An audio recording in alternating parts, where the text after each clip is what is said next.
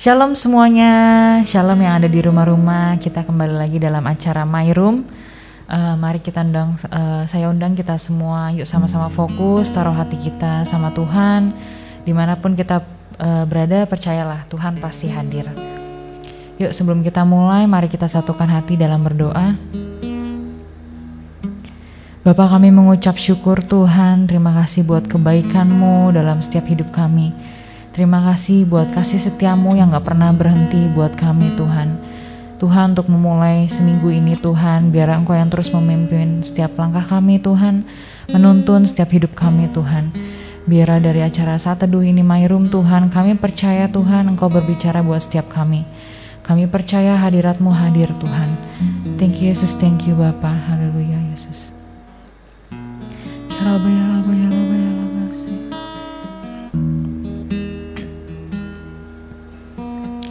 Seperti hiru serindu sungaimu jiwaku rindu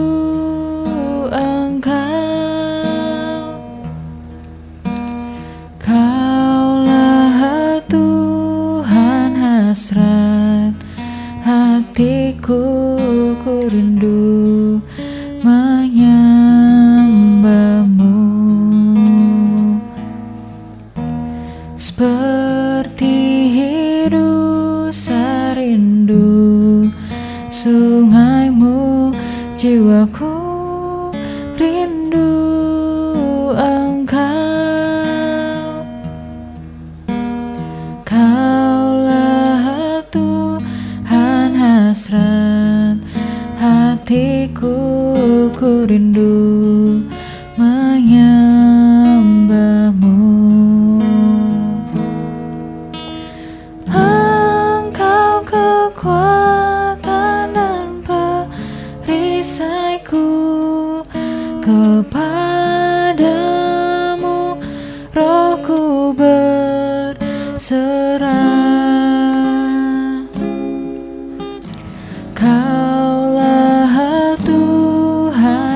hasrat. Hatiku ku rindu menyembahmu Mari sama-sama kita katakan panggil namanya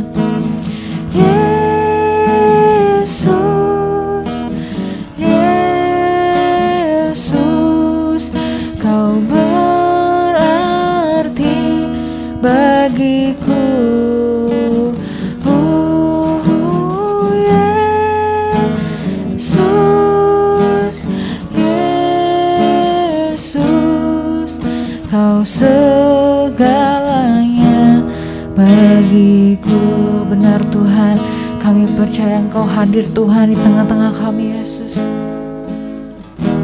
Seperti hiru sarindu Sungaimu jiwaku rindu.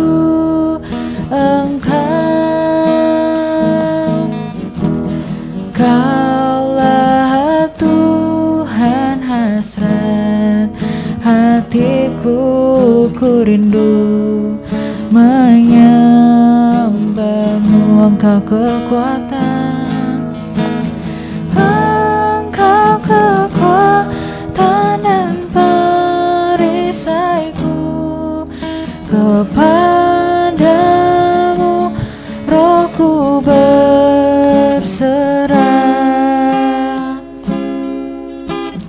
Kaulah Tuhan hasrat hatiku ku rindu menyembahmu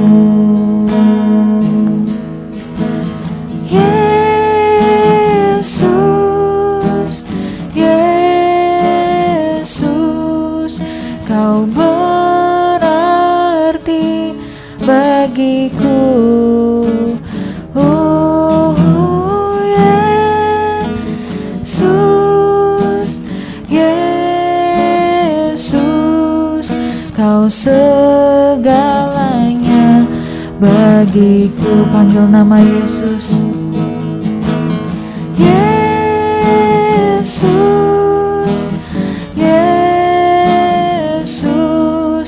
Kau berarti bagiku. Oh, Yesus Yesus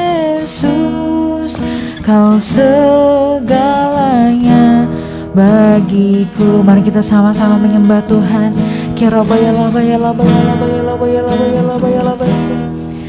kami percaya Engkau hadir Tuhan di tengah-tengah kami Tuhan.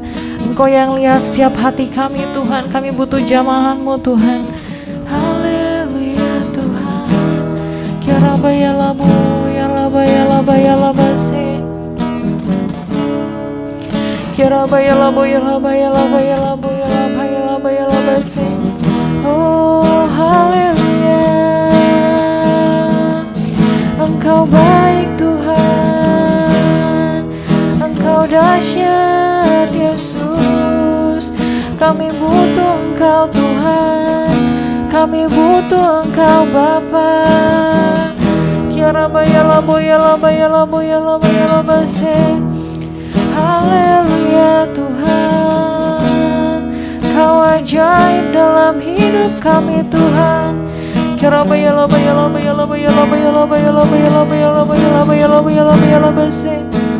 Oh haleluya Tuhan Kau ajaib Yesus Tuhan Kami butuh hadiratmu Tuhan Kami butuh kasihmu Yesus. Yesus Tuhan. Mari sama-sama panggil namanya. Yesus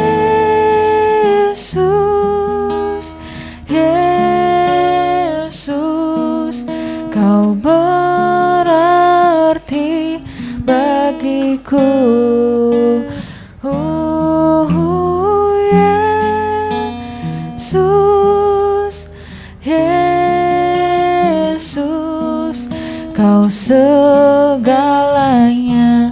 Bagiku kau segalanya. Kau segalanya. Bagiku. Kau segalanya. Bagiku. Kira bayala bayala bayala bayala bayala basi kami mengucap syukur Engkau baik Tuhan Kau luar biasa Bapa Kami butuh Engkau Yesus Haleluya Tuhan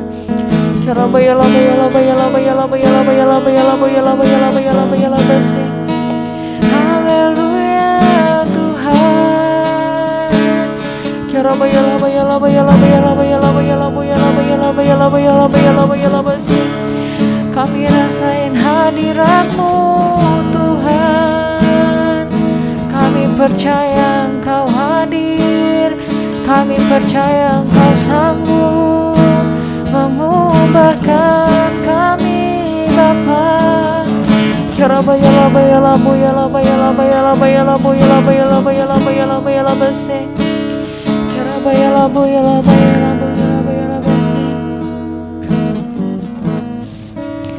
Yes benar Tuhan, kami percaya Tuhan Kau hadir di tengah-tengah kami Tuhan. Di mana pun saat ini kami berada Tuhan. Apa pun yang kami alami saat ini Tuhan Kami percaya Engkau gak pernah meninggalkan setiap kami Tuhan Bapak biarlah Engkau yang berbicara kepada setiap kami Tuhan Pakai kami sebagai muridmu Tuhan yang mau mendengarkan isi hatimu Tuhan. Biar kami mau buka telinga kami juga seperti seorang murid Tuhan yang dengar-dengaran akan firmanmu Tuhan. Bapa sembunyi hambamu di balik salibmu Tuhan, tapi biarlah namamu yang semakin dipertinggikan Tuhan. Biar kami percaya Tuhan setiap kami ketemu sama Engkau. Thank you Yesus, thank you Bapa. Hanya di dalam namamu kami sudah berdoa sama mengucap syukur. Sama-sama katakan amin. Oke, shalom semuanya sekali lagi uh, hari ini aku mau bawain uh, satu kisah yang luar biasa. Sebenarnya aku mau bawain uh, dasar banget sih, yaitu tentang power of worship, yaitu kekuatan dalam penyembahan. Yuk kita sama-sama buka Uh, di dua Tawarik 20 uh, sebenarnya hari ini ayatnya lumayan banyak. Tapi nggak apa-apa ya. Dua Tawarik 20 itu mengisahkan tentang Raja Yosafat, teman-teman. Jadi intinya aja kita langsung ke ayat 2, datanglah orang memberitahukan Yosafat suatu laskar yang besar datang dari seberang laut asin. Dari Edom menyerang tuanku. Sekarang mereka di Hazezon Tamar, yakni NGD. Ayat ketiga, 2 Tawarik 20 ayat ketiga, Yosafat menjadi takut lalu mengambil keputusan untuk mencari Tuhan. Ia menyerukan kepada seluruh Yehuda supaya berpuasa. Dan Yehuda berkumpul untuk meminta pertolongan daripada Tuhan. Mereka datang dari semua kota di Yehuda untuk mencari Tuhan.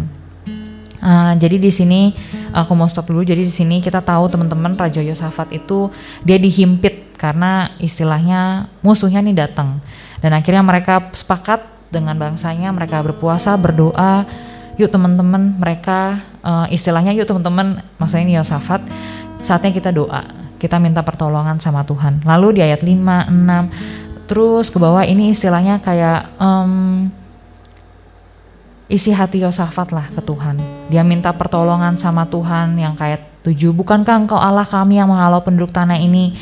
Istilahnya ya Tuhan tolong kami Tuhan. Kita tuh butuh pertolongan Tuhan. Um, dan kita lompat ke ayat 14 Lalu Yahaziel bin Zakaria bin Benaya bin Matanya, seorang Lewi dari Bani Asaf, dihinggapi roh Tuhan di tengah-tengah jemaat. Jadi tiba-tiba saat mereka lagi berkumpul berdoa di hadapan Tuhan ya kan, e, mereka istrinya semua anak-anaknya keluarga, tiba-tiba ada yang dihinggapi roh Tuhan. Lalu ayat 15 dan berseru, camkanlah hai seluruh Yehuda dan penduduk Yerusalem dan tuanku Raja Yosafat, beginilah firman Tuhan kepadamu. Janganlah kamu takut dan terkejut karena laskar yang besar ini, sebab bukan kamu yang akan berperang, melainkan Allah. Besok haruslah kamu turun menyerang mereka, mereka akan mendaki pendakian Ziz, dan kamu akan mendapati mereka di ujung lembah di muka padang gurun Yeruel. Dalam peperangan ini tidak usah kamu bertempur, hai Yehuda dan Yerusalem, tinggallah berdiri di tempatmu dan lihatlah bagaimana Tuhan memberikan kemenangan kepadamu. Janganlah kamu takut dan terkejut, majulah besok menghadapi mereka, Tuhan akan menyertai kamu. Lalu berlututnya Yosafat dengan mukanya ke tanah, seluruh Yehuda dan penduduk Yerusalem pun sujud di hadapan Tuhan dan menyembah Tuhan. Lalu Ayat 19, kemudian orang Lewi dari Bani Kehat dan Bani Korah bangkit berdiri untuk menyanyikan puji-pujian bagi Tuhan Allah Israel dengan suara yang sangat nyaring. Jadi di sini Tuhan dapat uh, Yosafat dapat jawaban dari Tuhan. Nggak usah berperang, berdiri aja di tempatmu dan lihat gimana kebesaran Tuhan, ajaibnya Tuhan bakal bawa kalian kemenangan. Dan nggak usah takut intinya. Uh, lalu kalau ke ayat 20, keesokan paginya kita lihat mereka udah siap-siap berangkat mau berdiri buat berperang Nah, lalu ke ayat 21-nya. Setelah ia berunding dengan rakyat, ia mengangkat orang-orang yang akan menyanyi nyanyian untuk Tuhan dan memuji Tuhan dalam pakaian kudus yang semarak pada waktu mereka keluar di muka orang-orang bersenjata sambil berkata, Nyanyikanlah nyanyian syukur bagi Tuhan, bahwasannya untuk selama-lamanya kasih setianya. Teman-teman, kalau di mana-mana, kalau kita lihat film perang-perang, mereka berperang pasti bawa senjata, bawa pedang, mungkin bawa pistol, bawa segala macam. Tapi mereka, mereka mau berperang, mereka siap-siap buat nyanyi memuji Tuhan dalam pakaian kudus. Lalu dibilang, yuk nyanyikanlah nyanyian syukur bagi Tuhan bahwasannya untuk selamanya kasih setianya. Instead mereka saling membunuh, mereka memuji dan menyembah Tuhan. Lalu apa yang terjadi di ayat 22? Ketika mereka mulai bersorak-sorai dan menyanyikan nyanyian pujian, Dibuat Tuhanlah penghadangan terhadap Bani Amon dan Moab dan orang-orang dari pegunungan Seir yang hendak menyerang Yehuda, jadi ini musuhnya, sehingga mereka terpukul kalah. Gimana terpukul kalahnya di ayat 23-nya? Lalu Bani Amon dan Moab berdiri menentang penduduk pegunungan Seir, hendak menumpas dan memunahkan mereka. Segera sesudah mereka membinasakan penduduk Seir, mereka saling bunuh membunuh. Jadi mereka cuma memuji menyembah Tuhan, ya udah lihat aja musuhnya. Mereka kalah dalam tangannya Tuhan, saling membunuh-bunuh. Lalu kalau kita lihat di ayat 25-nya, Yosafat menang, bahkan mampu jarah semua barang-barang harta milik mereka, pakaian, barang berharga semua dirampas. Ya intinya uh, uh, Tuhan memberikan mereka kemenangan. Dan ayat 26, pada hari keempat mereka berkumpul di lembah pujian, di sanalah mereka memuji Tuhan dan itulah sebabnya orang menamakan tempat itu lembah pujian hingga sekarang. Intinya Yosafat menang teman-teman. Karena Tuhan yang bantu mereka, Mereka nggak perlu saling membunuh, e, tapi mereka cuma memuji dan menyembah Tuhan. Nah teman-teman sebenarnya dasar banget apa sih itu penyembahan? Dan kalau kita dengar pesan uh, Pastor Niko dikatakan menjelang kedatangan Tuhan yang kedua kalinya, goncangan akan semakin dahsyat teman-teman. Dan pertanyaannya adalah apakah kita siap ketika goncangan itu datang? Gimana kita tahu bisa kita siap adalah saat kita sungguh-sungguh mempunyai penyembahan dalam hidup kita teman-teman sama Tuhan. Power of Worship. Hari ini aku mau bawain tentang kekuatan dalam penyembahan. Setiap kita teman-teman penting banget untuk menjaga penyembahan dalam hidup kita teman-teman. Kita belajar dari kisah ini dalam penyembahan breakthrough pasti terjadi teman-teman. Dalam penyembahan justru itu kunci kita buat kenal sama Tuhan. Itu satu-satunya akses kita ketemu sama Tuhan, satu-satunya akses kita tahu jawaban Tuhan buat hidup kita teman-teman. Makanya datang ibadah raya sebelum uh, masukin firman ada pujian penyembahan ke ibadah anak muda ada pujian penyembahan sebelum masuk firman. Kita nggak bisa oh datang nanti aja deh pas dengar firman. Bapak Ibu Saudara teman-teman betapa pentingnya kita menghadap sama Tuhan memuji menyembah Tuhan the power of worship betapa pentingnya kita ketemu sama Tuhan dulu teman-teman Bapak Ibu Saudara semua untuk kita bisa ngerasain hadirat Tuhan karena ketika kita menyembah, kita bisa ngerasain yang namanya hatinya Tuhan. Saat kita menyembah, membuat kita tuh hati kita berfokus sama Tuhan. Belajar kita untuk buka hati, belajar buat kita taruh pikiran kita, lelah kita, mungkin kesibukan kita untuk mengucap syukur sama Tuhan. Teman-teman kita belajar dari kisah Yosafat teman-teman. Dihimpit, ditekan, dan di situ saatnya dia berlutut dan berdoa, Tuhan kami butuh pertolonganmu Tuhan. Dan kita tahu teman-teman luar biasa. Tuhan bisa mengadakan kemenangan atas Raja Yosafat. Nggak cuma Yosafat teman-teman, kita tahu banyak kisah di Alkitab. Daud, siapa yang nggak kenal Daud di sini? Pemasmurnya Tuhan, hati yang ber, uh, orang yang berkenan di hati Tuhan. Karena kenapa? Daud pemasmurnya Tuhan, apa yang dia lakukan? Mungkin 24 jam dia memuji menyembah Tuhan tiga kali sehari menyembah memuji Tuhan. Dan itu teman-teman yang benar-benar membuat Daud kenal pribadi Tuhan kenal hatinya Tuhan. Dan aku mau uh, mengingatkan di sini kita semua betapa pentingnya jangan anggap enteng jangan main-main jangan remeh sama penyembahan. Ketika kita masuk penyembahan itu artinya saatnya kita ketemu sama Tuhan waktunya kita buka hati kasih hati kita yang terbaik sama Tuhan kalau teman-teman uh, kita buka di Yohanes 4 ayat 23 sama 24 di situ dibilang Mari menyembah Tuhan dalam roh dan kebenaran karena Tuhan hanya mencari penyembah-penyembah yang benar. Toh nanti uh, akhir dari segalanya adalah bukan kita di bumi ini, tapi di surga. Ketika kita menghadap Tuhan, kita menyanyikan pujian, penyembahan, pujian, penyembahan nonstop. Itu nonstop kita lakukan. Tanda kita kasih kita sama Tuhan, tanda kita menyayangi Tuhan. Dan Allah itu roh. Dan kita tahu untuk dekat sama Tuhan dan mengenal pribadi Tuhan harus melalui roh, yaitu ya dengan menyembahnya menyembah Tuhan. Dengan kita kasih hati kita untuk menyembah Tuhan. Dan uh, di Yosafat ini kita mengerti dengan menyembah membantu dia berperang secara alam roh. Dia takut, dia bingung, harus gimana ini? Tapi justru di situ menguatkan Yosafat dalam penyembahan kita percaya justru itu menguatkan kita dalam segala kondisi. Kita mampu melewati segalanya, apalagi dengan ketidakpastian. Saya percaya kita semua pasti mampu ketika kita taruh hati kita untuk menyembah Tuhan, berdoa uh, sama Tuhan. Dan saya percaya dengan tuntunan Roh Kudus, Tuhan pasti singkapkan hal-hal yang ajaib. Bahkan kalau kita lihat uh, kisahnya Yosafat, mustahil banget. Cuma dengan pujian dan penyembahan bisa menang dari perang. Film mana sih yang menunjukkan kalau kita lihat film-film sekarang ya kan, film-film perang, ada gak sih mereka berperang malah memuji, menyembah Tuhan, lalu tiba-tiba men mereka menang? Gak ada. Semua film perang pasti menggunakan senjata, uh, menyiapkan uh, posisi yang terbaik ya kan, eh, strategi-strategi apa tapi di sini kita belajar dari Yosafat selalu mengandalkan Tuhan. Mungkin nggak cuma dalam keadaan terhimpit, tapi saat kita keadaan dalam damai, sukacita, Di situ kita belajar untuk terus mengandalkan Tuhan, mempunyai hati yang mau terus meresponi hadirat Tuhan, yang mau terus meresponi penyembahan-penyembahan yang ada dalam hidup kita. Dan di sini saya percaya uh, kita semua pasti gak pernah yang namanya gak pernah nyembah. pasti di sini semua kita pernah menyembah. Datang ke ibadah raya juga kita pasti diajarkan ya kan WL di sini uh, memuji menyembah Tuhan, diajarkan kita yuk kasih hati kita, berikan hati kita yang terbaik untuk menyembah Tuhan. Uh, yang terakhir di kisah 16 ayat 22 sampai 34. Uh, di kisah para rasul 16 Nah mungkin uh, Bapak Ibu semua udah pernah baca juga kisahnya ini tentang Paulus sama Silas. Ya kan kisah 16 ayat 22 sama 34. Nah kalau di sini kita tahu kisah ini jadi Paulus sama Silas ini ditangkap. Uh, mungkin mereka memberitakan Injil ya ada aja yang nggak suka dan memasukkan mereka ke penjara.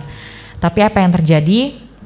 Di sini kok ayat 22, ayat 23 mereka di berkali-kali didera, mereka akhirnya dilemparkan ke penjara, mereka dibelenggu uh, mereka diikat mungkin kaki tangannya ya di ayat 24 lalu ayat 25 tetapi kira-kira tengah malam Paulus dan Silas berdoa dan menyanyikan puji-pujian kepada Allah dan orang-orang hukuman lain mendengarkan mereka uh, apa yang orang-orang tersangka juga dengerin oh ini lagi memuji menyembah Tuhan nih ya kan Ayat 26 akan terja akan tetapi terjadilah gempa bumi yang hebat sehingga sendi-sendi penjara itu goyah dan seketika itu juga terbukalah semua pintu dan terlepaslah belenggu mereka semua. Dan di sini kita lihat di ayat 27 kepala penjara takut dan hendak membunuh dirinya sendiri gitu karena saking ketakutannya. Ini kenapa ini mereka lepas dikira mereka mau melarikan diri kok ayat 27-nya kita lihat. Tetapi Paulus ngomong di ayat 28, "Jangan jangan, nggak usah bunuh diri lu.